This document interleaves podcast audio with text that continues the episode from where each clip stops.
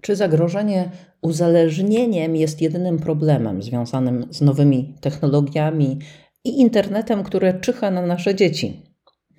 Niestety nie. Ogromnym problemem jest to, jak oni korzystają z elektroniki.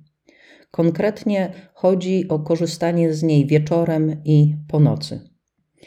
Każdy ekran jest emiterem światła błękitnego, które normalnie emitowane jest intensywnie w środku dnia. Daje ono naszemu organizmowi jasny komunikat. Jest środek dnia, powinieneś być super aktywny. I co przede wszystkim robi, hamuje wydzielanie melatoniny hormonu snu.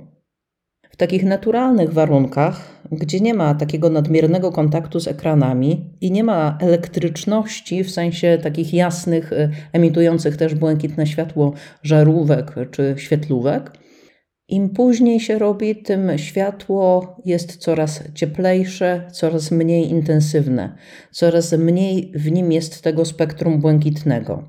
To ocieplenie światła jest sygnałem dla szyszynki, że należy zacząć produkować melatoninę, hormon snu.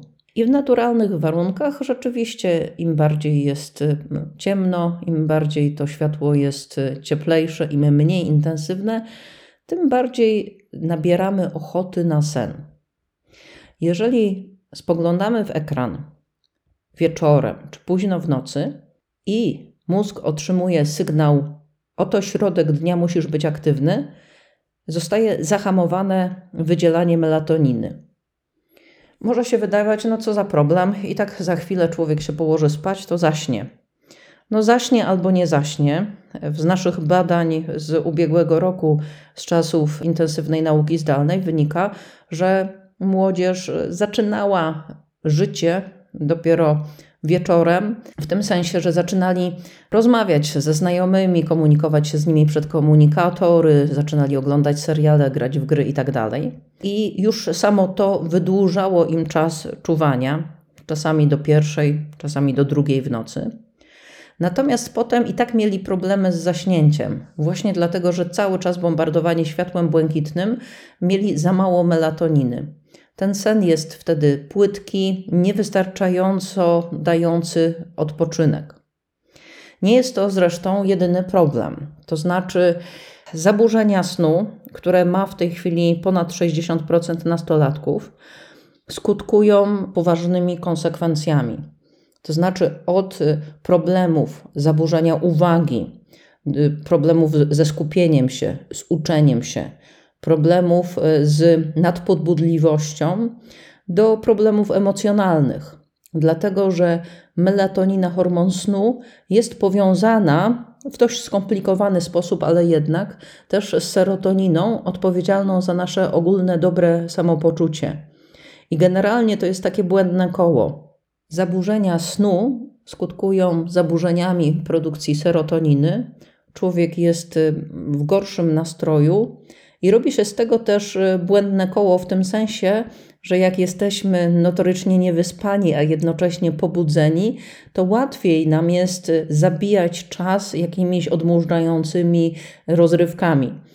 Zmęczone, a jednocześnie pobudzone dziecko nie będzie czytało książki czy nawet komiksu, nie będzie rysowało, nie będzie się bawiło jakimiś pluszankami, będzie oglądało do upadłego TikToka, do momentu, kiedy padnie z wyczerpania i padnie w taki półhipnotyczny sen.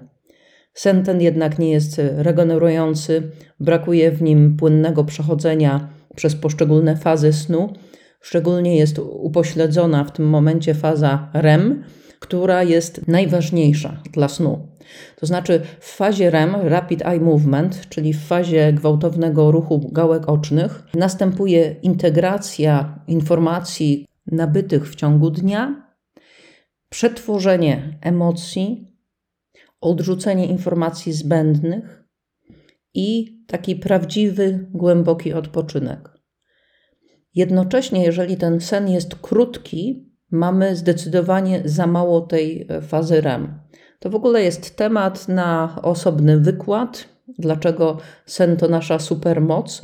W największym skrócie, proszę mi uwierzyć, dobry sen to większa odporność na zachorowania, lepsza koncentracja uwagi, większa kreatywność, większa zdolność skupiania się. Nie da się przecenić roli snu, takiego dobrego, głębokiego, długiego snu. Warto pamiętać, że nawet jeszcze w wieku 14 do 17 lat młodzież potrzebuje między 7 a 9 godzinami snu. To jest naprawdę dużo, a oni śpią po 4-5. Czyli podsumowując, światło błękitne wieczorem poważnie zaburza sen, co skutkuje wtórnie zaburzeniami nastroju, zaburzeniami uczenia się, zaburzeniami zdolności koncentracji uwagi. Gdybym miała mówić o jakiejś jednej żelaznej regule, którą naprawdę należy wprowadzić w swoim domu, to jest zero kontaktu z ekranami po godzinie 21, maksymalnie 22. To jest reguła, którą warto wprowadzić e, dla wszystkich, nie tylko dla dzieci czy młodzieży, ale my też, dorośli, powinniśmy się do niej stosować, nam też to wyjdzie na dobre. Świetnym rozwiązaniem jest e, hmm, inteligentny dom. Mam znajomego, który sprzedaje właśnie wyposażenie do inteligentnego domu, czyli takiego, który dostosowuje się do naszych potrzeb, na przykład temperaturę, oświetlenie itd. Tak I on stara się projektować, proponować klientom taki dom, w którym światła stopniowo się ocieplają i stają coraz bardziej łagodne, kiedy dzień chyli się ku wieczorowi. I proponuje, żeby wszystkie smartfony i w ogóle urządzenia elektroniczne były podłączone do ładowarek znajdujących się w szafce gdzieś daleko, daleko od wszystkich w przedsionku domu na korytarzu. W przypadku inteligentnego domu to jest tym lepsze, że one nie ładują się przez całą noc, tylko następuje automatyczne wyłączenie ładowania w momencie, kiedy bateria osiągnie 100%, więc to też jest e, oszczędność. Nawet jeżeli nie mamy inteligentnego domu, to i tak możemy taką regułę zaprowadzić, żeby te nasze smartfony gdzieś wspólnie ładowały się poza zasięgiem małych i dużych rąk. Do wprowadzenia od zaraz tej jednej reguły naprawdę serdecznie namawiam.